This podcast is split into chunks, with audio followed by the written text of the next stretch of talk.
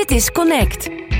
Hier hoor je alle ins en outs over PR, communicatie, content marketing en alles daartussenin. Met Jody Keuler en Jos Govaert van PR en content marketingbureau Cooper. In deze 29e aflevering is bij ons de gast Peter van Leeuwen, interim manager, matchmaker en pitchbegeleider. Samen met hem bespreken we de wereld van bureau-pitches en de kwetsbare relatie tussen bureau en klant. Vanuit de studio van Cooper, mijn naam is Jody Keuler en welkom bij Connect. Ja, en ook vandaag is gelukkig weer aangeschoven naast mij. Het is een tijdje stil geweest hier bij Connect. Uh, Ja. Jos Govaert. Ja, en voorheen zei je altijd links aangeschoven, maar we zijn eh, qua ruimte veranderd en ook qua apparatuur, dus echt alles is anders. Ja. En eh, Denk je dat we het nog kunnen? ik, de- ik denk het wel. Ja. Ik, ik heb nog een beetje geoefend, hè? Ja, ja, dat is waar. In de tussentijd, dat is waar. We gaan het vandaag over een eh, heel leuk onderwerp hebben. Is een pitch altijd de beste oplossing? Wat gaat er vaak mis aan bureaukant bij pitches? En wat is belangrijker voor opdrachtgevers? De chemistry of het beste idee? Dat en zoveel meer bespreken we vandaag met een expert op dit gebied. Peter, van harte welkom. Dankjewel, eh jongens. Ja, leuk dat je er bent. Eh, full disclosure, Karen zou hier ook eigenlijk aanschuiven... maar die nam eh, de verkeerde afslag, ging de verkeerde kant op. Dus dat, eh, nee, ja, we doen het nu eventjes, eh, eventjes solo. Ja, Eh, de A12 gooit ineens roet in het eten en ineens staan we allemaal weer in de file. Ik vond dat Precies. ook een... eh, Het is weer voor coronatijd. ja, ja. Ja, er is weinig veranderd, zou je, zou je zeggen. Hey, we, duiken er lekker in en laat ik meteen eventjes goed neerzetten... want jij leunt op een enorme berg aan ervaring. Hoe ben jij gerold in, het, in nou ja, vooral de functie van pitchbegeleider? Dat is een leuke vraag. Ik eh, heb een lange carrière bij grote reclamebureaus eh, achter de rug. Ik ben tien jaar geleden ongeveer voor mezelf eh, begonnen. Ja, En ging toen werken voor opdrachtgevers. En kreeg toen vaak de vraag van...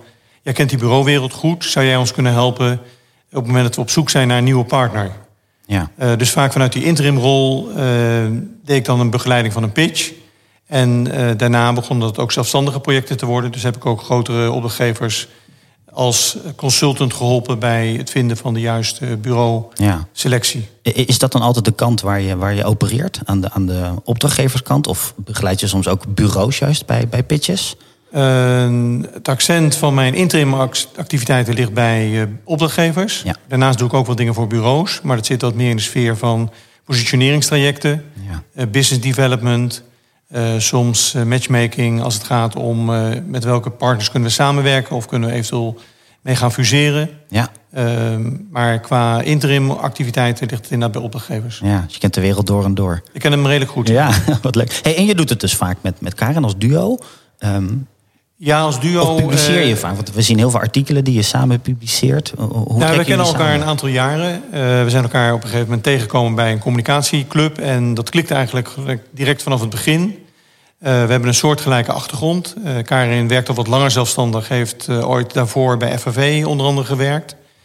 Ehm, en nou ja, in de praktijk merkten we dat we elkaar mooi konden aanvullen. Dus op het moment dat ik een vraag krijg en ik kan zelf die niet behandelen... dan speel ik hem door aan Karin en andersom. Mooi. Hebben we bij die pitchprojecten regelmatig samengewerkt... dat we met name in het begintraject kijken van... wat is nou een interessante longlist voor deze prospect... Eh, hoe kunnen we het plan van aanpak inrichten... en dan pakt de ene het verder op om het verder eh, te coördineren en te begeleiden. Eh, dus we werken regelmatig samen. Leuk. Ah, oké. Interessant. Ja. Om maar even met de deur in huis te vallen. eh, er gaat bij pitches natuurlijk van alles goed, maar er gaat ook van alles fout. En het is natuurlijk het meest sappig om bij het laatste te, te, te beginnen. Wa- Wat zijn nou dingen in jouw herinnering? Ja, je hoeft niet per se namen te, doen, te noemen. Het gaat maar meer om de soort gebeurtenissen. Waarvan jij zegt, ja, dat is zo in mijn geheugen blijven zitten. Dat was zo raar en slecht. En ik ben er wel benieuwd naar. Ik moet zeggen, het gaat over het algemeen redelijk goed. Maar dat komt ook omdat we van tevoren heel duidelijk de spelregels bepalen. En eh, die bureaus ook de spelregels kennen. Datzelfde geldt ook voor de opdrachtgever zelf. Eh, als je nou vraagt van wat gaat er mis... eh, wat ik wel een paar keer heb meegemaakt... is dat je van tevoren heel, heel erg duidelijk checkt... als pitch consultant van... zijn er bepaalde eh, conflicts of interest? Hey, Ik kom met een bepaalde prospect. Kunnen jullie die behandelen? Of heb je andere opdrachtgevers die dat dan een probleem ervaren? En eh, dan wordt er vaak gezegd van... nee, dat is geen probleem. We hebben dat nog gevraagd bij die specifieke opdrachtgever. Dan ga je het traject in en dan blijkt vaak in de ronde twee of drie... er toch nog een issue te zijn... waardoor ze of niet door kunnen... of er een ander eh, probleem moet worden getackled. En wat ik ook wat meegemaakt is een, een grote pitch... waarbij eh, uiteindelijk de bureaus in een laatste fase kwamen. De grand finale presentatie moest plaatsvinden voor een Engelstalige klant. En bijvoorbeeld dat bureau zijn voorstellen in het Nederlands had gedaan. Wat natuurlijk vaak creatief het meest makkelijk is, omdat dan de, de gedachte het beste overkomt. Ja. Uh, maar dan on the spot uh, dat concept gaan lopen vertalen in het Engels. Nou, dan is het natuurlijk nooit ultiem Engels. Nee, classic. Uh, en ja. ja. is dat niet iets waar je punten mee verdient? Ah, doodzonde dan, hè?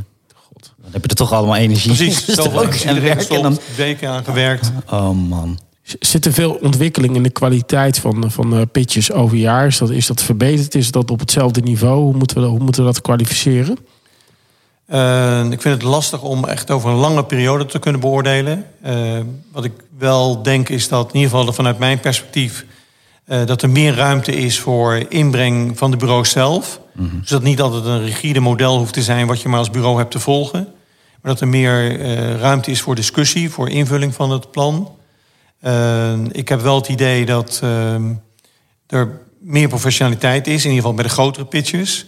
Aan de andere kant hoor je natuurlijk ook wel verhalen over pitches die eigenlijk geen pitch mogen zijn, omdat het om een project gaat. Wat in het begin heel groot wordt aangekondigd en uiteindelijk in die end een redelijk overzichtelijk projectje blijkt te zijn waar de terugverdientijd eigenlijk onmogelijk is. Ja. Ja, dan is dat de verkeerde keuze geweest om het zo aan te pakken. Ja, precies. Ja, ja. ja. En is het dan veel formeler geworden, het hele traject? Of, of denk je nou, er is ook wel ruimte voor een heel informeel karakter binnen, binnen pitches? Ja, het is een beetje lastig om daar een algemeen uh, antwoord op te geven. Kijk, wat je wel ziet uh, is dat procurement natuurlijk een steeds belangrijke rol speelt. Ja. En die stellen natuurlijk bepaalde eisen en bepaalde, uh, willen bepaalde structuren hanteren. dat maakt het soms wat formeler. Aan de andere kant, ik probeer in mijn pitchbegeleiding zoveel mogelijk ook de factor van chemistry click mee te nemen. Dus dingen in te bouwen om te zien van hoe kijkt een bureau nou aan tegen de uitdaging die die opdrachtgever neerlegt? En het niet alleen maar op een hele rigide manier te doen vanuit de consideration list en de long list naar de shortlist. Ja. Maar ook andere vormen erin te stoppen. Uh, waardoor je echt kunt toetsen van gaat het inderdaad in de praktijk met elkaar werken. Ja, niet onbelangrijk. Ja. ja. Zit jij altijd bij de eindpresentaties? Mag, mag je daar aanschuiven? Of? In principe ben ik bij het hele traject okay. uh, aanwezig. Ja. ja. Kijken ze dan ook naar jou? Zo van, heel Peter, uh, wie van de drie? Uh, kijk, het is natuurlijk altijd een keuze die de klant zelf maakt. Ik maak ja. geen keuze voor hem. Ik kan hem alleen helpen om de juiste vragen te stellen. Nog bepaalde dingen te highlighten. Misschien nog eens eventjes vanuit een ander perspectief ernaar te kijken. Maar zij maken de keuze. Ja. Maar ik ben er wel altijd bij. Ja. ja. Leuk altijd, de pitches. Ja. Meestal wat, wat, is jouw meest rare ervaring eigenlijk, Jos? Bij pitches, want wij hebben er ook wat gedaan in de afgelopen jaren. Heb je wel eens een setting meegemaakt dat je dacht, mijn hemel? Ja, nou ja, Eén keer, dat was uh, voor een zorgverzekeraar in, uh, in Arnhem. en uh, ja, toen stonden we voor een comité. En wij vonden de, de, de briefing echt nergens op slaan. Alleen dat hadden we natuurlijk in een veel eerdere fase moeten, moeten zeggen. Dus wij gingen stront eigenwijs, gingen we ons verhaal daar doen. En, en, en ik had na vijf minuten al het gevoel dit wordt helemaal niks.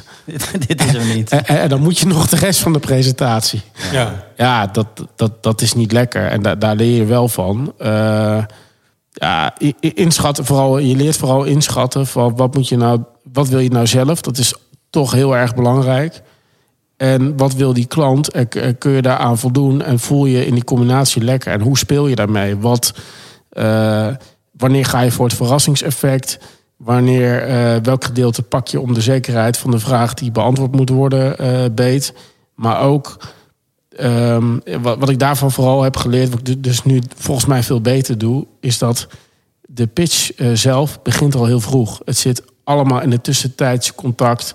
Laten zien dat je wakker bent. En weet je, als daar gaandeweg een gevoel ontstaat van we, we, we gaan hem winnen of zo, dan ja, dan doe je ook een schepje bovenop. Dan, dan ga je extra gas geven. Dan, dan zorg je dat je toch nog met een grapje aankomt of met iets leuks. Of, of weet je, en, en ja, weet je, je, je, moet er vooral lol in hebben en, en het niet als een, als een moedje zien. En, nee. uh, en dat is soms best moeilijk, hè, als, als de druk op de bestaande business ook staat. En uh, uh, ja, als je goede ambities hebt, ja, dan doet dat soms best wel even pijn. Want dan wil je, uh, je durft nog niet per se nieuwe mensen aan te nemen, want je wil eerst een nieuwe handel hebben. Mhm. Ja, dan moet het er toch tussendoor. En Ja, dat, dan, dan moet je het zien als topsport uh, waar je plezier aan, aan beleeft. En, en, en dan moet je ook je hele team in mee zien te krijgen. Dus dat, ja, dat is voor mij wel ja, het ei van de, van de pitch. Maar daar heb je ook een beetje een opdrachtgever voor nodig die daar ook in mee wil. En die, die dus uh, ja, ook ons wil leren kennen. En, en niet uh, dat je van tevoren alles moet opsturen. En uh,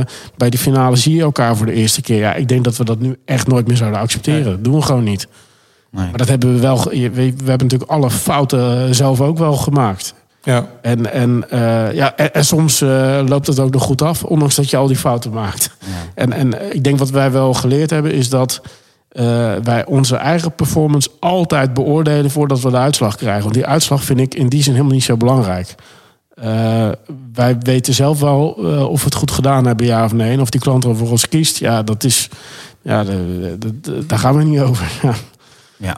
Ja, oké. Maar dan heb je in ieder geval een prestatie op de mat neergelegd. Ja, maar daar gaat het om. Ja, vind veel belangrijker dan wat het... Wat het uh, natuurlijk willen we winnen. Uh, maar uh, nou, dat is niet mijn, mijn hoofddrijver in die zin. Dan voldoet het ook aan de eigen maat, ja. maatstaaf. Ja. mag ik jou een vraag stellen, Jos? Ja.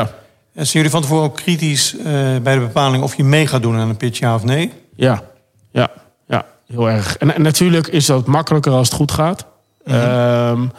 maar wij toetsen altijd wel van... Um, uh, past de klant bij ons? Snappen we een beetje wat ze doen? Uh, vindt dat een beetje plaats in de beleveniswereld waar we iets mee hebben? En uh, nou, we spraken gisteren Piet Heijn van XXS en we hebben wel iets gemeenschappelijks in hoe we daar naar kijken. Ja, we willen, hij formuleerde dat als we willen geen klootzak als klant. Nee. en, en, en dat is wel zo. Je wil gewoon, je bent toch behoorlijk wat tijd kwijt aan je werk in een week. Ja, dat kan maar beter leuk zijn met prettige ja. mensen. Dat is, dat is zo onderschat. En, en, en, zo belangrijk. Um, ja, als, als het mee zit, maar ook als het tegen zit. Ja. En wat mij opvalt is dat bureaus soms een beetje ja, dociel, zou ik maar zeggen, reageren op het moment dat ze deelnemen aan een pitch. He, dat ze dan heel volgzaam zijn in het, uh, volgen van de stappen die de opdrachtgever of de prospect heeft uitgezet. Dat ik denk van ja, een stukje discussie over wat jij als bureau vindt, mm -hmm. wordt alleen maar gewaardeerd. Geeft alleen maar aan dat je zelf bewust bent en je ja. eigen uh, kader stelt. De stelvragen is je advies. Hè? Stelvragen, stelvragen wees kritisch. Precies. Uh, kom terug. Kom met eventueel een andere vorm van uh, plan van aanpak. Ja. Dan uh, dat de, dan het, de op prospect in eerste instantie mee komt. Ja, ja. dat is wel een goeie. Maar dat vergt lef en ook een beetje zelfvertrouwen. Ja. En um, kijk, wij zijn natuurlijk, hoewel dat voor ons nu ook verandert. Dus dat wordt in die zin wordt dat natuurlijk ook spannend. Uh, maar we waren natuurlijk altijd zelf de ondernemers. Dus we zijn zelf ook aan zet van wat we ervan vinden. En het, was voor, het is voor ons persoonlijk heel erg makkelijk om te zeggen: Weet je, dit voldoet niet aan hoe wij willen werken. En dat is voor ons super belangrijk. Uh, en daarin staan we ook voor onze mensen. Maar als iemand die bij ons werkt dat besluit moet nemen, wordt het al een tikje moeilijker. Want die heeft zoiets van: Ja, weet je, ik kijk naar de prognoses voor de komende maanden. En er mag wel wat bij. Terwijl wij erin geloven, als je juist goed kiest dus dit bedoel, er zijn altijd zoveel kansen in de markt, zeker wanneer je actief bent. Ja, dan is het ook wel de, de, de kunst om de juiste dingen eruit te pikken waar je ja, als tent ook een beetje lol aan beleeft. Ja, ja. ja. ja terecht punt, terecht punt. Hey, laten we naar de eerste, de eerste stelling gaan. Het is zover, eh, Peter. Ik ga hem voorleggen aan je. Uh, de meeste bureaupitches hoeven niet plaats te vinden. Graag van jouw kant een eens of een oneens. Uh, dat is best een lastige. Ik denk dat in een aantal gevallen dat absoluut waar is, dat het niet hoeft plaats te vinden. Aan de andere kant zijn ook best wel situaties waarin het nodig is om een pitch te organiseren. Mm -hmm. uh, omdat dan gewoon de energie uit de bestaande relatie is en dat wat je ook doet, het gewoon geen verre kans meer krijgt van beide kanten. Ja. Uh, dus dan is het wel eens goed om uh, buiten te kijken en te zien of je een nieuwe partner kunt vinden die weer die nieuwe energie kan leveren. Ja. Ik, ik, schat zo in dat jij dat eerst, hè, als er een prospect op naar jou belt, dat je dat eerst bevraagt. Absoluut. Ja, dat je ik wil eerst weten van waarom ga je pitchen? Uh, hoe is de samenwerking met je huidige bureau? Wat kan beter aan jullie kant? Uh, wat mis je bij je bureau? Om op die manier veel meer gevoel te krijgen van... gaan we niet dadelijk hetzelfde patroon krijgen als met het vorige bureau? Dat je in het begin hartstikke verliefd bent op elkaar. Ja. En als je een half jaar, drie kwart jaar later bent... Uh, dat dan de eerste haarscheurtjes alweer ontstaan. Ja. Is, is er dan altijd een vraag die, die de opdrachtgever zichzelf eerst moet stellen? En wat is dan die vraag? Ja, die vraag is van uh, wat hoop je te bereiken in je nieuwe relatie, wat je in die huidige absoluut niet kunt vinden. En hoe zorg je ervoor uh, dat je niet over enige tijd in datzelfde patroon uh, terechtkomt. Ja. Dus wat moet je bijvoorbeeld veranderen aan je manier van brieven of aan je manier van werk beoordelen of eh, aan het intern doorpresenteren of dat soort zaken. Ja. Geef je dan ook wel eens een keer de opdracht dat je zegt, joh, niet, niet aan mij. Stel, er komt de opdrachtgever en die, uh, ja, die slijt ze alsof het uh, snoepjes zijn, elk half jaar een ander bureau. Nou, ik ga in ieder geval altijd de discussie aan. Op het moment dat ze echt tot de conclusie komen van we willen een oriëntatie gaan doen naar een nieuw bureau, dan ga ik ze helpen. Ehm, maar die eerste discussie kan best uh, pittig zijn en soms leiden tot de conclusie van misschien moeten we toch nog eens een keer kijken naar de huidige ja. samenwerkingsrelatie met ons bureau om te zien of we daar uh, dingen kunnen verbeteren. Ja, ja. Wat zijn de opdracht, uh, opdrachtgeverskant vaak de, de, de drijvende krachten om, om tot een een vraag voor een nieuwe bureauoriëntatie te komen. Wat wij ook wel eens horen bij ook opdrachtgevers van ons, is dat dan ineens procurement besluit. En dat eens in de drie jaar of zo. Dat, dat er dan een pitch moet komen. Terwijl dat die opdrachtgever daar zelf helemaal niet op zit, zit te wachten. En soms krijg je dan een soort van auditconstructie van. Uh, dan even aan dat je ook het geleverde werk gedaan hebt. En, en, en dan zijn we er weer vanaf. Dan heb ik het zo even met procurement kunnen regelen. Maar ja, soms kom je het ook gewoon tegen dat ze het wel moeten doen. En ja terwijl dat, dat daar helemaal geen natuurlijke energie uh, naartoe gaat. Wat, wat kom je daarin tegen? Nou, wat je natuurlijk heel vaak ziet is dat er een nieuwe directie komt... of een nieuwe manager die besluit van... Uh, ik wil mijn eigen team uh, formeren. Ja. En ook mijn team van externe partners. Wat vind jij daarvan in de basis? Is dat logisch? Is dat, is dat soms te kort door de bocht? Of hoe... kan soms absoluut kort door de bocht zijn. Soms zie je natuurlijk relaties met bureaus struikelen of kapot gaan door de komst van een nieuwe CMO of een nieuwe directeur. Uh, terwijl dat bureau vaak jarenlang met die opdrachtgever heeft gebouwd aan het, uh, aan het merk. En dus heel veel know-how heeft. heel veel kennis heeft, precies. Ja. Uh, dus de doodzonde is als dat in één keer verloren gaat. wat een andere reden is die je vaak tegenkomt... is dat het huidige systeem, het huidige ecosysteem niet meer werkt. Dus de combinatie vaak van bureaus niet meer optimaal functioneren. Er onvoldoende ruimte is voor bijvoorbeeld de online kant of andere disciplines. En dan het gevoel is van ja, we moeten toch uh, weer naar een partner zoeken die dat stuk ook kan invullen. Ja. Uh, wat een andere reden kan zijn, is dat uh, het werk eh, mediocre is, ook vaak door toedoen van de klant zelf. Maar er dan wel behoefte is aan, aan nieuwe creativiteit. Alleen er niet altijd gekeken wordt naar de eigen positie van wat hebben wij daar gedaan om dat werk beter te maken. Ja. Dus vanuit een druk bijvoorbeeld intern van ja, we moeten meer opvallen, moeten een beetje boven dat maaiveld uitkomen, er gekozen wordt voor een nieuw bureau of gekeken wordt naar een nieuw bureau.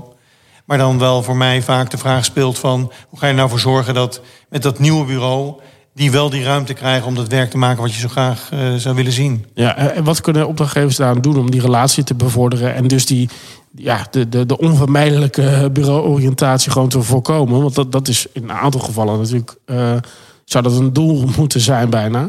Alleen, alleen soms ben je gewoon te laat. Dan is er zoveel uh, kapot dat het niet meer te repareren valt. Maar, maar wat zijn nou momenten of, of, of tools of, of uh, organisatiedingetjes die uh, opdrachtgevers in kunnen zetten om dat gewoon goed neer te zetten? Ja, eigenlijk is het natuurlijk heel simpel. Elke relatie, ook een samenwerkingsrelatie tussen een bureau en een klant, is als een gewoon een privérelatie. Je moet investeren in communicatie. Uh, je moet regelmatig met elkaar het gesprek aangaan van wat vinden we goed gaan, wat kan beter, uh, hoe kijk jij naar mij, hoe kijk ik naar jou. Dus evalueren. En dat op een structurele manier doen. Niet zomaar even aan het eind van het gesprek zeggen van hoe vinden jullie dat het gaat. Maar dat op een goede, uh, gefundeerde manier doen. Zodat je ook in de tijd kunt zien van hoe zich dat ontwikkelt. Uh, is dat een periodiek per kwartaal? Ja, dat kan een, nou, kwartaal is een vrij hoge frequentie, maar een frequentie kan zijn één keer per half jaar, uh, eventueel één keer per jaar. Maar dan wel op een hele gedegen manier. Dus dat zowel het bureau uh, de klant evalueert als de klant het bureau. Ja. Ja. En zoals gezegd, dat dan uh, door het structureel te doen, te kunnen zien van waar vinden verbeteringen plaats, waar blijven dingen achter. Uh, maar op die manier krijg je veel meer zicht op. Uh, ja. Wij werken, Karen en ik, samen met een, een, een bureau in Engeland. En die hebben zo'n heel systeem daarvoor ingericht. En die zien gewoon dat op het moment dat je die evaluaties regelmatig doet, dat het aantal uh, break-ups uh, zwaar afneemt. Okay. Omdat er gewoon ruimte is uh, om te kijken van wat gaat er niet goed en wat kunnen we dan concreet doen. En daar toetsen we ook op. om die relatie te verbeteren. Maar, maar dat levert gewoon uiteindelijk gewoon geld op. Want het, het is natuurlijk ook bewezen dat eh, als je de alle eh eh, langs gaat, dat, eh, ja, dat een langdurige eh klant-bureau-relatie over het algemeen leidt tot gewoon betere resultaten. Ja. En, eh, en eh, ook effecten. Ja, ja, absoluut. We kennen allemaal natuurlijk de voorbeelden van Nike en Wieden Kennedy. In Nederland DDB met centraal beheer. Nou, zo Ja. zijn talloze voorbeelden. Eh, dat als je gewoon voor good en bad times met elkaar blijft samenwerken... en gewoon iedere keer nieuwe impulsen geeft... dat het natuurlijk in die end veel beter is... dan dat je van het ene bureau naar het andere bureau hopt. Ja. Nou ja, en als je dan de vergelijking maakt met privérelaties, hè, soms, nou ja, iedereen heeft wel vrienden om zich heen dat je denkt, jeetje, nou die zijn wel heel makkelijk uit elkaar gerend, dat ging snel, hè, er wordt niet meer geknokt voor elkaar. Is dat in, het, in de bureau-opdrachtgeversrelatie ook zo? Denk ik wel, ja. Ja. Ja, ja. Maar wordt er dan nog een beetje geknokt? Eh, Zijn mensen bereid om het vol te houden? Of, Ja, maar vaak in een stadium dat het eigenlijk al te laat is. Dat er al een soort mentale point of no return heeft plaatsgevonden. Eh, waardoor het bijna niet meer te repareren valt. ja, die echte En- ruzie, zullen we maar zeggen. Gek is natuurlijk dat ja, de loodgieter die zijn eigen lekkage niet repareert... is dat natuurlijk ook voor, bureau- voor bureaus vaak het geval. Dat ze praten over communicatie. We zijn er experts in. Alleen het intermenselijk communiceren met je klant... Ja. eh, is niet altijd in een optimale situatie. Nee. Wat, wat vinden we daar dan toch lastig aan? Is dat toch een bepaalde kwetsbaarheid tonen of zo? Want de essentie is dan open en eerlijk communiceren met elkaar. Ja, ik denk dan de hebben we het over het werk, maar ook echt over de relatie. Van hé, hey, dit vind ik prettig, dat vind jij. Ik bedoel, dat is werk aan je relatie. Ja, ja. Ja, dus maar goed, eh, er dat staat ook iets op het spel. gelijkwaardigheid. Precies. Wat Er staat iets op het spel. En ik denk, eh, als je kunt vluchten in de inhoud van het werk of de creativiteit of wat dan ook. Dat is veel makkelijker om buiten jezelf te plaatsen. Want het gaat dan over dat merk en het publiek en de creativiteit. En, en als je het hebt over de relatie met je, met je opdrachtgever of met je bureau, andersom. Dan gaat het ineens over jou, over Ja. jouw gedrag. Ja. Eh, en, en dat is volgens mij veel confronterender dan het over de inhoud van je werk hebben. Want dat, dat kan je eh, best wel van je af laten glijden. Ja. Dat, dat is veel makkelijker. Ja, en ik kan me voorstellen dat een bureau daar misschien wel de meeste moeite mee heeft om het daarover te hebben en dat te initiëren. Maar wellicht is dat wel het beste besluit wat je kunt nemen. Mhm. Juist ga met je opdrachtgever zitten, evalueer, doe dat in een bepaalde frequentie. Ja. Want dan werk je echt aan die relatie. je hebt simpele dingen. hè. Wat, wat ik bij een van de laatste pitches waar we in zaten, eh, wat ik toen had gedaan als methodiek, was een beetje een test. Ehm, dat was gewoon een, een hele korte evaluatie na, direct na afloop. En dat was gewoon, eh, ik had iedereen gevraagd om antwoord te geven op de vraag: ehm, wat vond je van je eigen rol in dit hele proces? Wat ging er goed, wat kon er beter? Gewoon heel simpel. Ja. En vervolgens, wat vond je van eh, de rol van je teamleden? En pas daarna, wat vond je van eh, de opdrachtgever?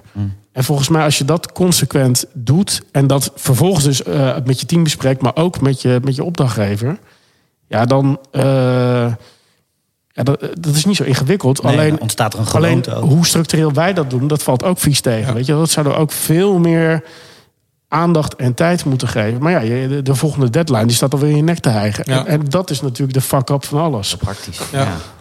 Ja. maar ik hoor Peter toch zeggen, investeer daar wel in. Ja, Absoluut. Wij, wij weten het ook, maar we doen het ook niet structureel. Dat is toch, toch eh, bij, bij ons soort mensen, om maar even Kees van Koten te quoten... ja, is dat toch moeilijk. Ik weet ook niet waarom. En, eh, maar ja, we- Ja, er zit volgens mij ook vaak een angst onder dat je bent natuurlijk een soort leverancier voor die opdrachtgever. Ja. Eh, dat vandaag de dag de relatie met leveranciers heel makkelijk uitwisselbaar zijn.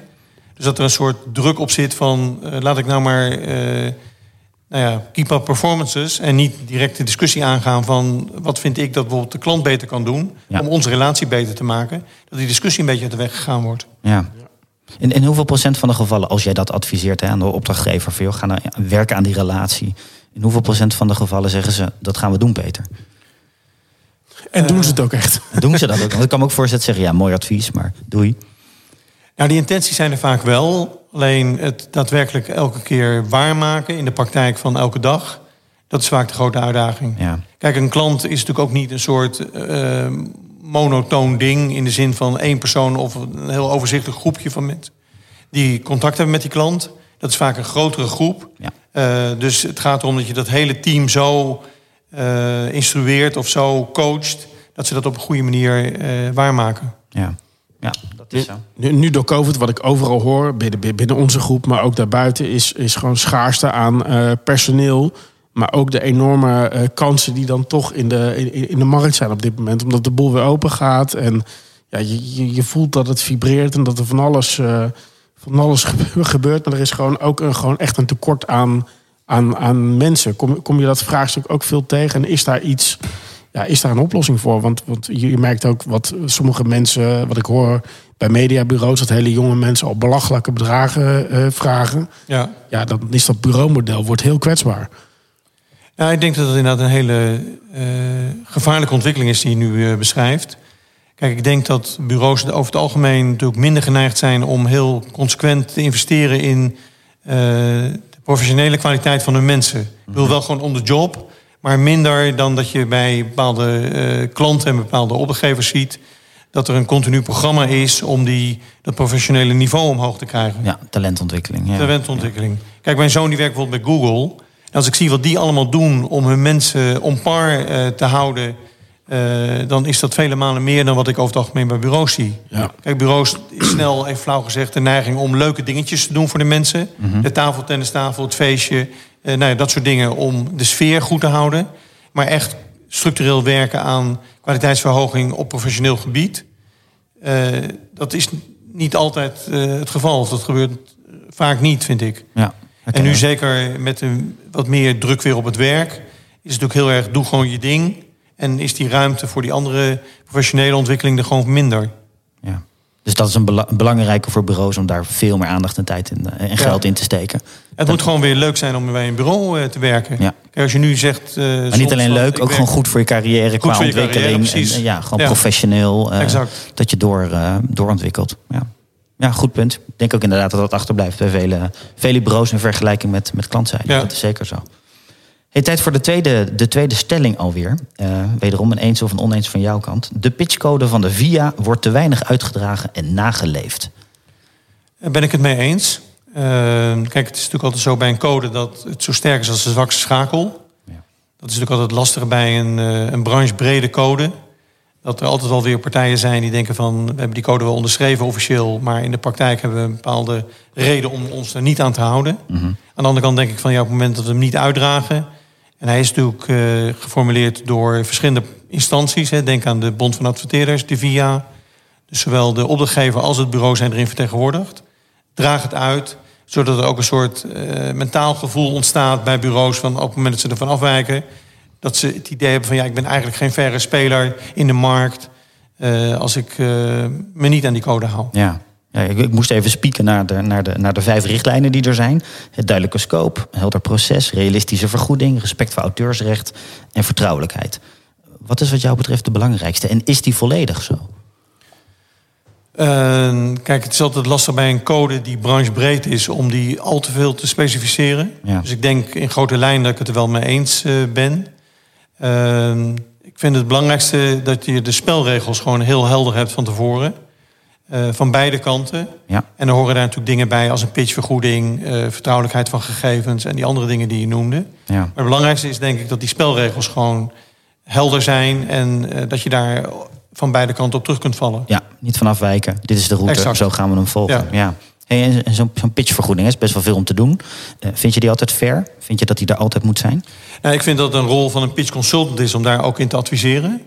Eh, dus er moet absoluut een redelijke eh, balans zijn tussen hetgene wat je aan werk vraagt en wat er aan vergoeding tegenover staat. We weten natuurlijk allemaal dat een pitchvergoeding altijd een fractie is van de investering die een bureau doet. Eh, maar het moet wel iets zeggen van als eh, opdrachtgever waardeer ik de effort die een bureau erin gaat stoppen. Ja. Dus ik wil daar een serieuze vergoeding voor geven. Ja. Nou, Nou kan ik me voorstellen dat dat zeker bij een, bij een formeel traject, hè, waarbij je de pitchcode van de VIA volgt, hè, en bij een informeel traject, adviseer jij dat ook wel eens? Kom je als een klant tegen dat, dat je denkt, ja, dit moeten we niet in dat hele formele traject gieten, dat moeten we anders oplossen? En wat bedoel je dan met een informeel traject? Nou ja, kennismaking, even snuffelen aan elkaar, eh, misschien een paar cases presenteren. Hè, want wat uiteindelijk waar het om gaat, de klus is niet zo heel groot wellicht. Nee, kijk, ik vind dat de vergoeding gegeven moet worden voor de fase dat je echt gaat investeren als bureau Ja. in een strategisch of een creatief concept. De eerste kennismaking, eh, die is gewoon eh, free van beide kanten. Eh, en je wil even tasten van, zijn dit partijen met wie ik het verder, verder vervolg van het proces inga?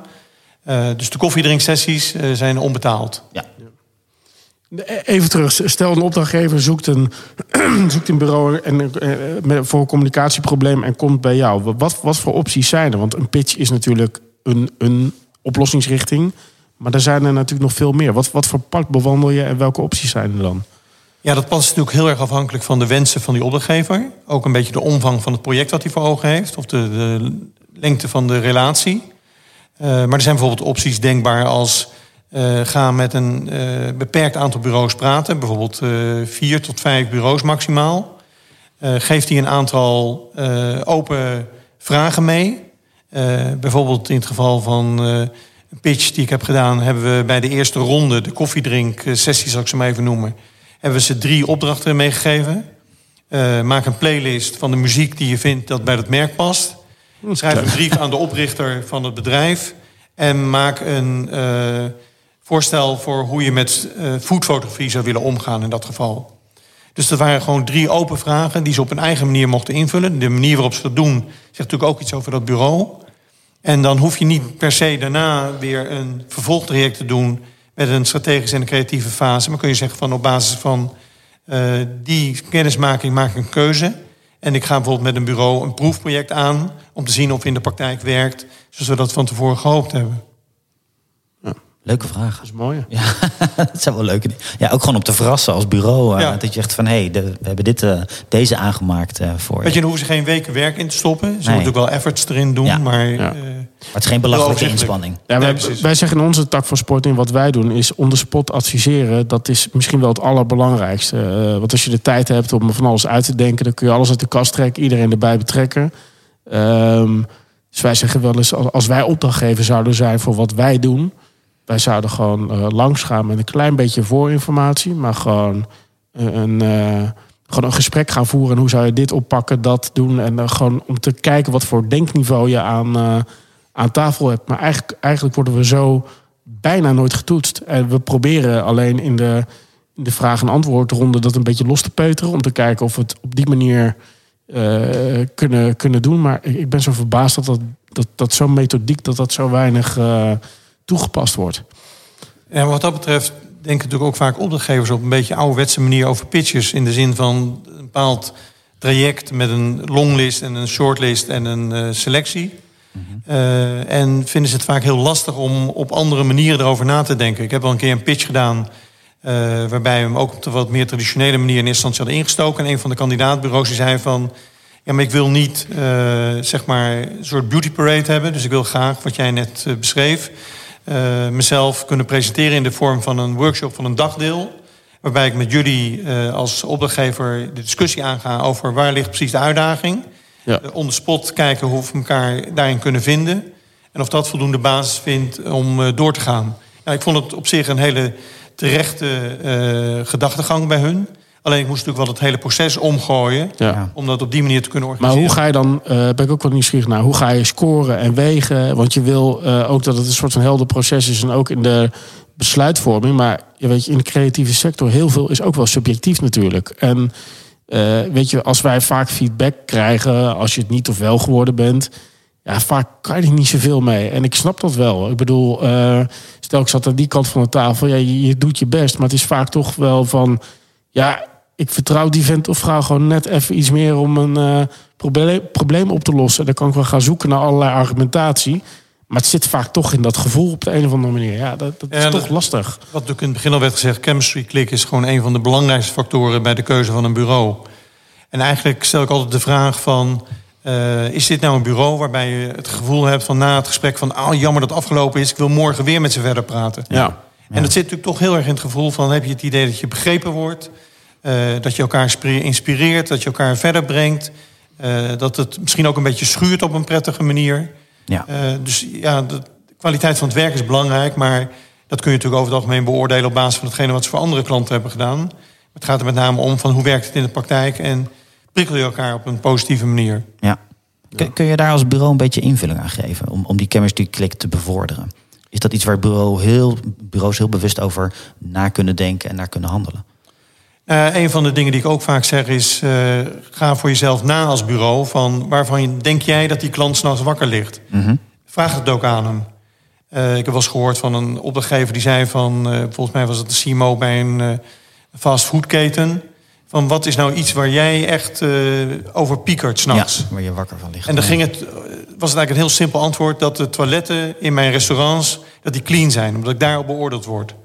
Nou is dat misschien iets wat je als reclamebureau niet op kunt lossen... Maar probeer wel dat soort vragen naar boven te halen... van ja. wat drijft die persoon nou echt? Ja. Hey, en, en, en, en de match tussen de mensen aan opdrachtgeverskant, de mensen aan bureaukant, om dat bij elkaar te brengen, daar heel bewust over na te denken. En misschien wel aan de hand van interactiestijlen die, eh, die er binnen een bureau zijn, die je bij een klant mogelijk herkent. Is dat iets wat je, wat je soms merkt dat bureaus daarmee aan de slag gaan? Nou, waar natuurlijk wel naar gekeken wordt, is de casting. Ja. Van, uh, dat een goede analyse wordt gemaakt van welke personen aan klantenkant worden er straks bij de meetings uh, verwacht. Wie zijn er aanwezig? hoe kunnen we daar uh, spiegelen? Of kunnen we juist misschien een, een tegenpol er tegenover zetten? Ja. Alleen het zijn natuurlijk allemaal kortstondige momenten tijdens een proces... waardoor je nog niet echt kunt toetsen hoe dat op de lange termijn in de praktijk gaat werken. Ja. Ja. Dan kun je natuurlijk straks wel, als je uh, gekozen bent... je hebt een onboardingproces, kijken van...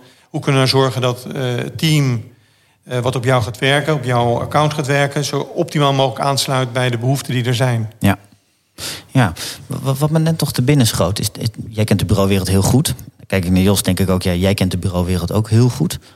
Merk je dat opdrachtgevers de bureauwereld goed kennen? Dat ze al van tevoren weten, een longlist of eventueel meteen naar een shortlist, dat ze bureaus, eh, de juiste bureaus selecteren? Uh, ik denk dat uh, de kennis van bureaus bij opdrachtgevers redelijk beperkt is. Er zijn ook wel een paar mensen die echt een insider zijn, die een wat beter beeld hebben. Mm maar het verrast mij vaak en stelt me soms ook een beetje teleur... Uh, hoe opdrachtgevers naar bureaus kijken. Wat voor profiel ze in hun ogen hebben. Mm. Dat ligt natuurlijk ook een beetje aan die bureaus zelf. We hebben het ja. uh, ook even gehad over positioneren van bureaus. Uh, dat doen ze over het algemeen niet zo heel erg goed. En je moet je voorstellen, een CMO of een andere marketeer bij een bedrijf... directielid, mm -hmm. is natuurlijk met zoveel andere dingen bezig. Die vangt signalen op in de markt. leest er nu dan wat over bureaus... en uh, op basis daarvan krijgt hij een beeld van een bureau.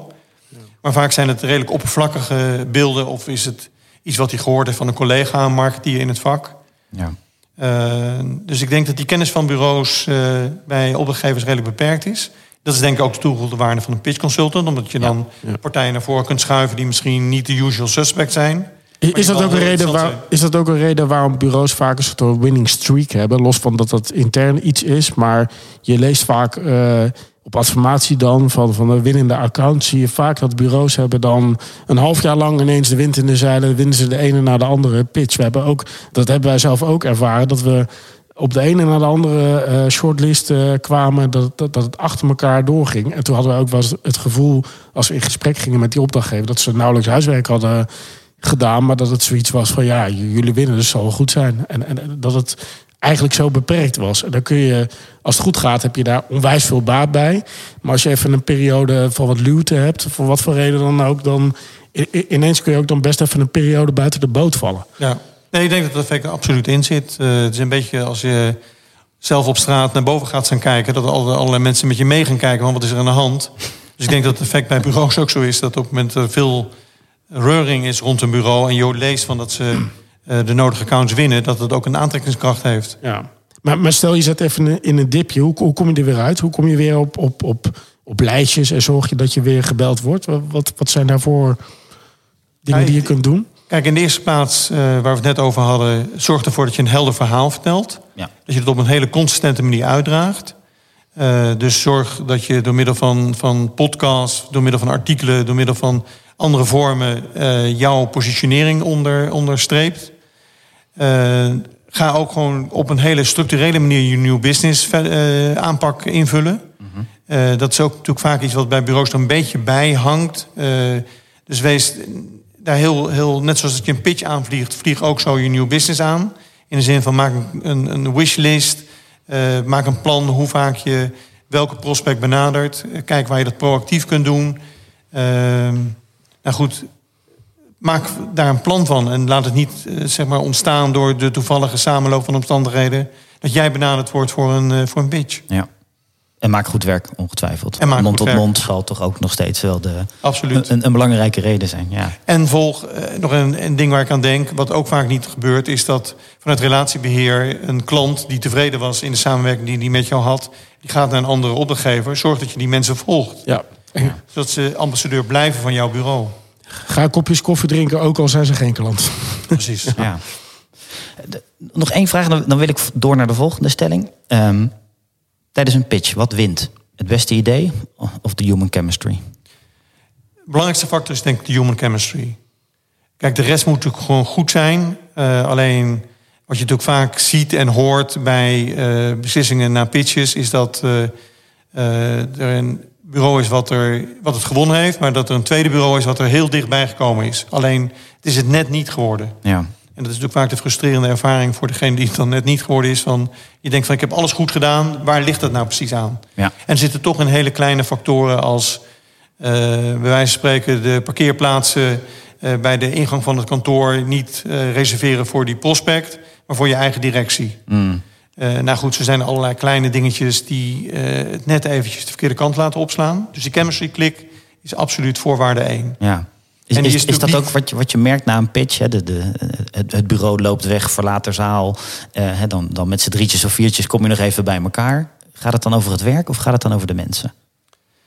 dan gaat het vaak over het werk. Maar eigenlijk klinkt er dan in door van de manier waarop het werk gebracht werd. Ja. Met wat voor passie, Ja. eh, met wat voor onderbouwing. eh, hoe, hoe het samenspel ging tussen het team. Nou, dat soort dingen. Dus Ja. het werk is dan natuurlijk iets rationeels wat je kunt beoordelen.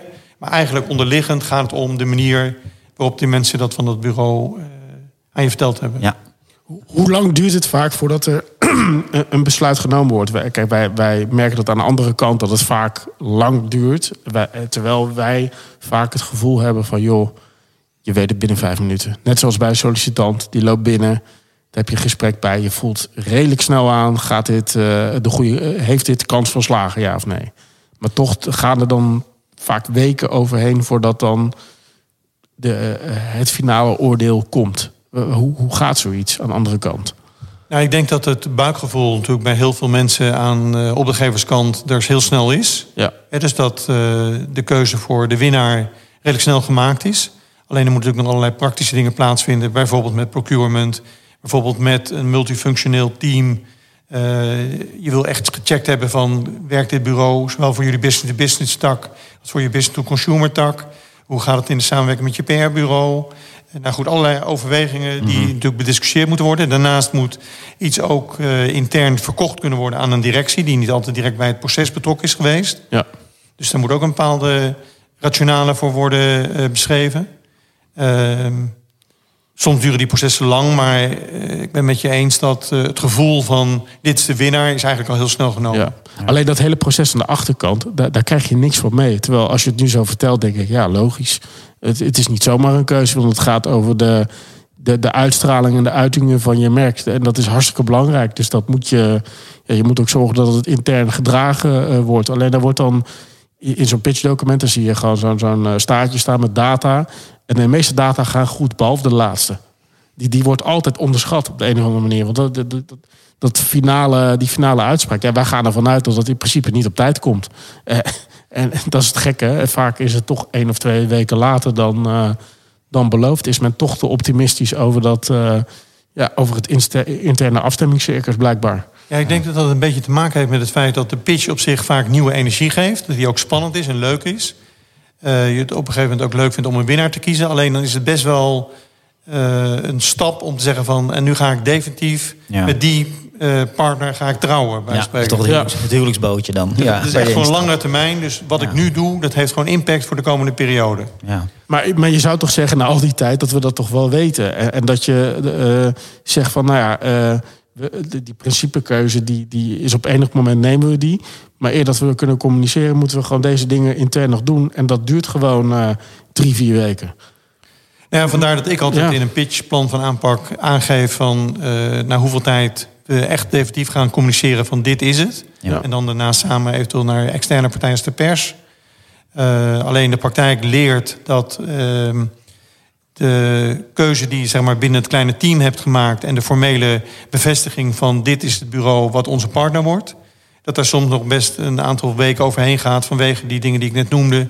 Procurement, uh, goedkeuring, uh, directie... soms een buitenlands hoofdkantoor wat nog mee moet knikken. Ja. Nou ja, dat soort overwegingen. Wordt dat onderschat door bureaus? Hebben bureaus enig idee wat het voor de opdrachtgever goed betekent, zo'n pitch?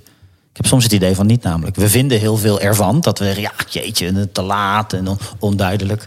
Als ik nu zo met jou zit, denk ik, ja, er, is ook heel, er gebeurt heel veel ook aan de kant van de opdrachtgever. Ja, ja. ja ik denk dat uh, bureaus niet altijd doorhebben wat inderdaad de emotionele impact ook is van een uh, keuze voor een nieuwe bureaupartner. Ja. Kijk, er is natuurlijk toch het gevoel van, ik heb een uh, ander bureau heb ik verlaten, ik kies een nieuw bureau. Dus ik wil het wel goed doen als ja. opdrachtgever. Ik wil niet zorgen dat we inderdaad, uh, wat we in het begin van het gesprek zeiden... na een half jaar, drie kwart jaar weer in dezelfde situatie belanden. Nee, dat is ook voor je eigen positie natuurlijk voor je eigen niet, positie ook niet echt geloofwaardig. Nee. Hè? Ik bedoel, bureaus die... Uh, uh, of sorry, opdrachtgevers die regelmatig van bureau wisselen... die hebben meestal niet de beste reputatie... Nee. en weten dat op het moment dat ze opnieuw zo'n traject ingaan... er best een aantal partijen zijn die zeggen van... ja, maar ik ga niet met jullie in gesprek... want jullie track record op dat gebied is hartstikke slecht. Ja. En dat weten bureaus We hebben een tijdje terug ja. over een consumenten-elektronica bedrijf en een PR-bureau. Uh, waarvan, waarbij ze geloof ik in uh, twee jaar tijd het derde bureau uh, gekozen hadden. Ja, ja, ja. Uit, uit Azië. Ja, dat is waar. Ja, ja. ja. ja dat, dat gebeurt. En dat gaat hard hoor. Dan informeren we elkaar. Ja, dat en we zijn bijna, verbaasd aan alle kanten. welke bijna, bureaus dan nog ja. steeds daar wel op reageren. Dat je denkt, jeetje. Ja, dat hebben wij met name bij die start-up merken. Als, als we ja, als we merken dat dat uh, leegloopt, ja, dan zien we ze naar het volgende bureau hollen. En je weet van tevoren, dat gaat gewoon weer mis. Ja. En dan, ja, dan waarschuw je het volgende bureau toch maar uit een soort van collegialiteit. Van, nou ja, weet dat dit gebeurt. Ja. Maar ja, het is vaak wel... Het zijn vaak wel aantrekkelijke merken, dus, dus de, de, er is hoop om, uh, om te doen. Ja. Alleen ja, samenwerking is vaak uh, ver te zoeken, die is er ja. gewoon niet. Ja. Ik merk dat ik heel veel vragen aan je heb, Peter. Ik denk dat we nog drie uur kunnen doorkletsen. Maar ik heb nog één, één gewoon een praktisch dingetje. Wat wij altijd heel prettig vinden als bureau is dat we weten um, um, wie nog meer mee pitchen. Dat dat, mm-hmm. dat, dat uh, gedeeld wordt. En wat het budget is. En waarom het gaat, de opdracht. Ja. Um, is dat terecht? Mogen wij dat vinden? Vind Absoluut jij? moet je dat vinden. ik zeg altijd van... Uh, we vertellen gewoon wie, uh, wie de concurrenten gaan zijn zodat je als bureau daar ook op kunt instellen. Ja. Ja. Ah, je kunt beter inschatten van als ik deze concurrentie heb, waar liggen dan accenten? Ehm nou goed, dat is, vind ik absoluut een voorwaarde. En de andere voorwaarde, of het andere punt wat je noemde van het budget, Ja. is ook absoluut een voorwaarde. Omdat je anders nooit de, de afweging, afweging kunt maken voor jezelf van is de return on investment het waard? Ja, precies. Ja. En eh, daarom vind ik eh, projectgedreven pitches een heel gevaarlijke ontwikkeling. Omdat dan de terugverdientijd zo beperkt is. Uh, dat, ja, dat is eigenlijk niet fair om dat van bureaus te vragen. Ja. Wat, wat wij wel lastig vinden, een paar keer meegemaakt, dan, dan krijg je een, uh, dan stap je in een pitch.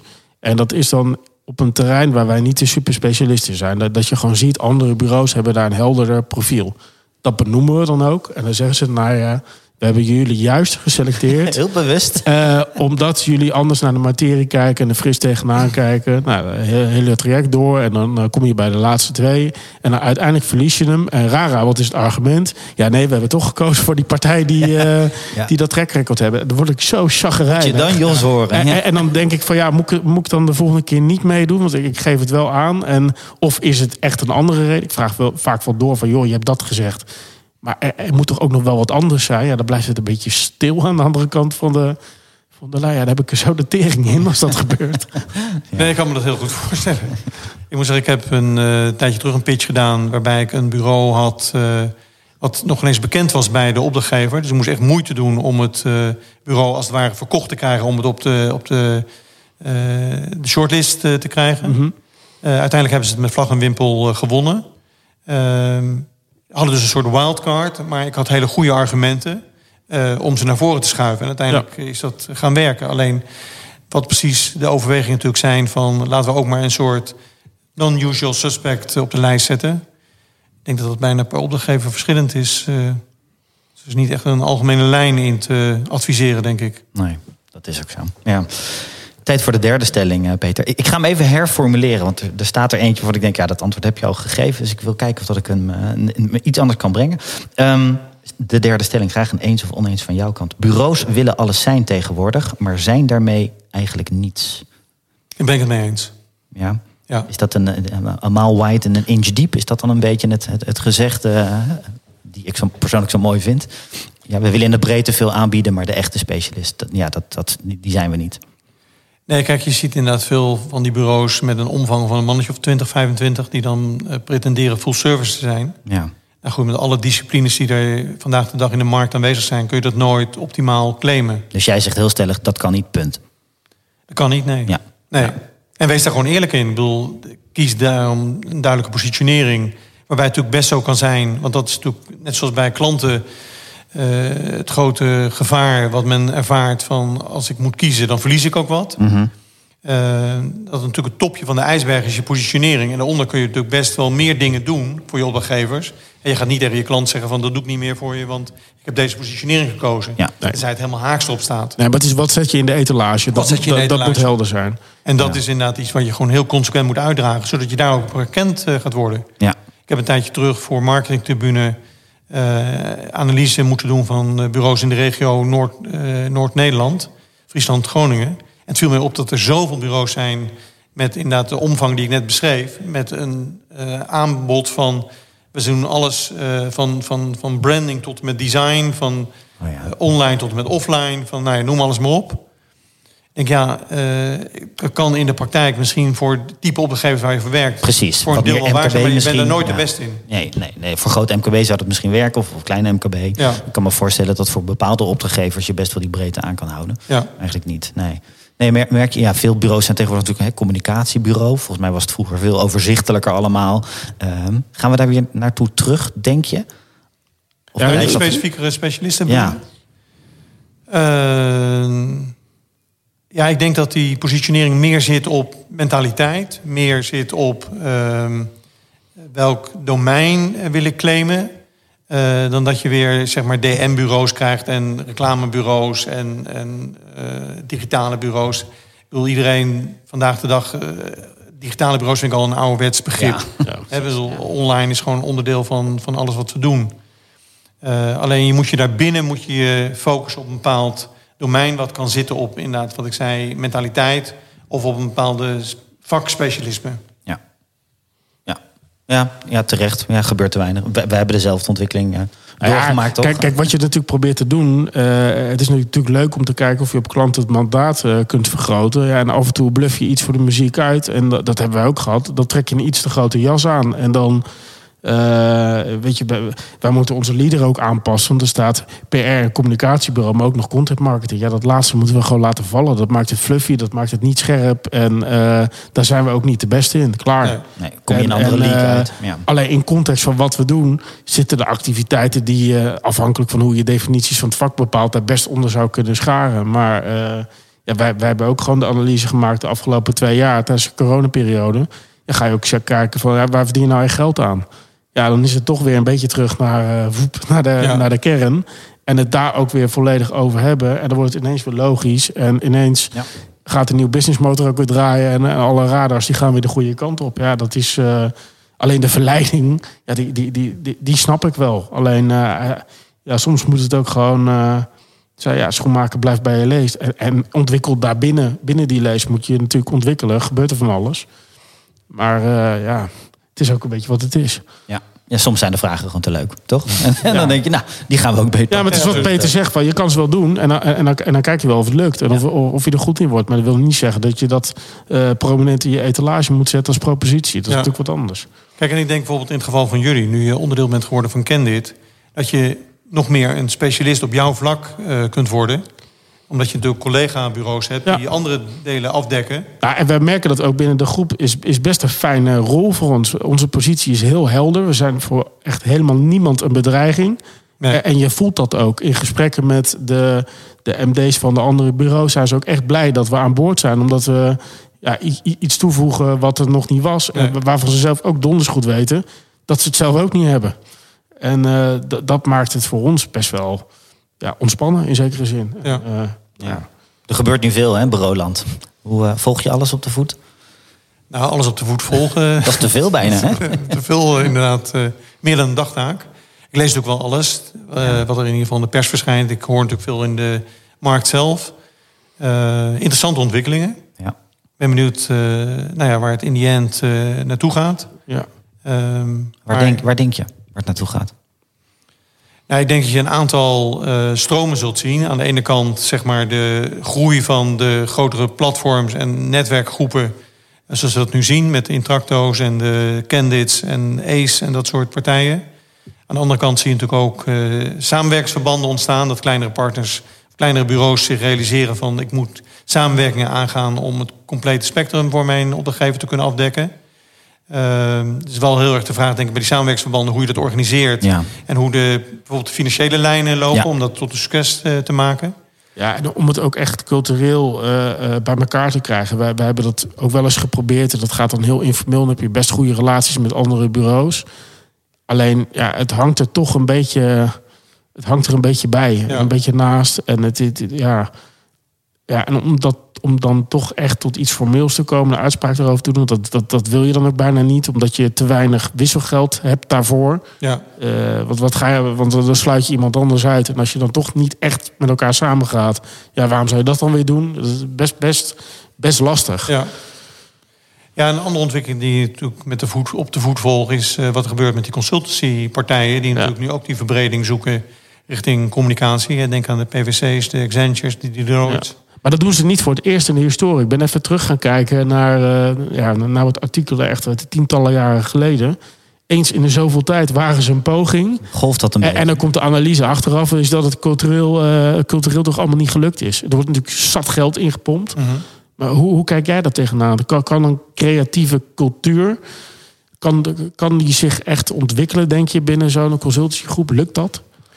Nou, ik ben erg benieuwd natuurlijk wat er bij Accenture gaat gebeuren. Nu Droga eh, de CEO geworden is van Accenture Interactive. Ja, dat is wel wat natuurlijk. Dan zou je denken van ja, daar komt zoveel eh, power, zoveel heritage, zoveel ervaring komt daar Ja. naar binnen. Maar in Nederland zijn er natuurlijk ook alweer een paar weg. Dat, dat, dat, dat gaat ook wel weer vlot. Ja. Ja, misschien net te vroeg vertrokken.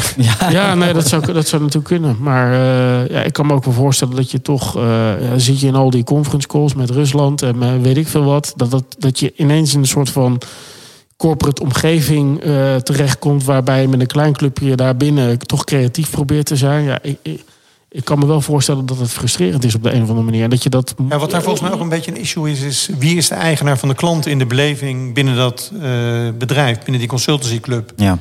Eh, wat ik bijvoorbeeld hoorde is dat eh, bij een van die consultancy firms eh, de partners die zijn dan de eigenaar van de klantrelatie. Ja. En zeg maar het creatieve werk moest dan ook via die partners bij die klant terechtkomen. Sorry. Dat klinkt. Dat is lastig. dat ja. klinkt ingewikkeld. Ja. Het Ja, is dat- niet hun métier. Ja. Eh, maar die zijn dan bang dat op het moment dat de creatieven daar zelf, of de bureaumensen daar zelf hun eh, projecten gaan presenteren, dat dat gevolgen heeft voor de relatie met hun opdrachtgever. Ja. Ja. Ja. Hoe, hoe, hoe, Peter, heb jij de, de afgelopen anderhalf jaar ervaren? Heb je, heb je gezien dat veel pitches on hold werden gezet? Werd alles uitgesteld? Of is het toch in een soort digitale vorm nog? Links en rechts eh, is er beweging geweest? In ieder geval vanuit mijn perspectief had ik het gevoel dat er heel veel dingen on hold werden gezet.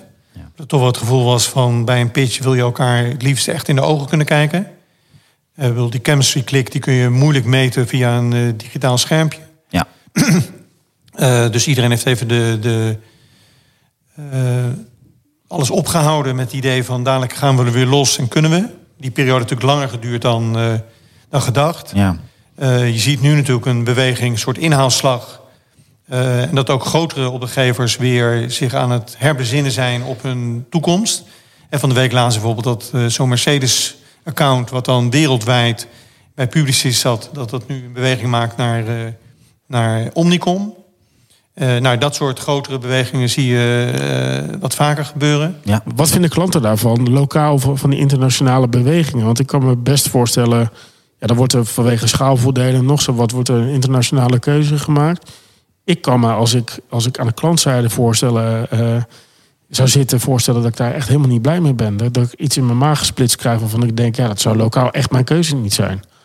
Ja, tenzij natuurlijk dat bureau-systeem zo ingericht wordt dat er nog steeds ruimte blijft voor local flavor. Ja, Kijk, een goed merk denkt natuurlijk altijd na over de vraag van naast mijn internal branding, of sorry, international branding, hoe kan ik ervoor zorgen dat die markt, lokale Ja. marktbehoeften goed bediend eh, worden. En daar zie je natuurlijk veel van die bespoke models voor ontstaan. Eh, hè, zoals het nu ook weer bij Omnicom gebeurt, dat er een model wordt ingericht waarbij er ook voor dat specifieke land een, een bureau of een team wordt opgetuigd, wat die behoeften van dat eh, lokale team kan, eh, kan beantwoorden, Ja, kan invullen. ja. Ver- Verwacht je in die zin ook nu een bepaalde drukte voor de komende periode? Denk je dat er veel staat te gebeuren voor... eh, Ik denk wel dat er eh, het komende aan staat te komen, ja. ja, interessant. Dus bureaus, eh, wees wakker, wees, Wees wakker. alert. Ja, precies. Positioneer je goed, zorg dat je er... Geen veel aandacht aan de chemistry klik. Ja, ja, precies. Nou ja, dat is wel een hele, hele belangrijke. Hey, we zijn er weer, weer aan het einde gekomen. Het, het- ten slotte, Peter, als mensen met jou willen, willen connecten... waar kunnen ze dat het, het beste doen? Eh, als ze willen connecten, dan kunnen ze dat doen via LinkedIn natuurlijk. Ja. Eh, ze kunnen even kijken op mijn website www.leonebv.nl. En ze kunnen me bellen. En dat nummer kunnen ze via jullie krijgen. Dat eh, gaan ze ongetwijfeld doen eh, na deze uitzending. Peter, namens ons beiden, dankjewel voor je komst. Graag gedaan, jongens.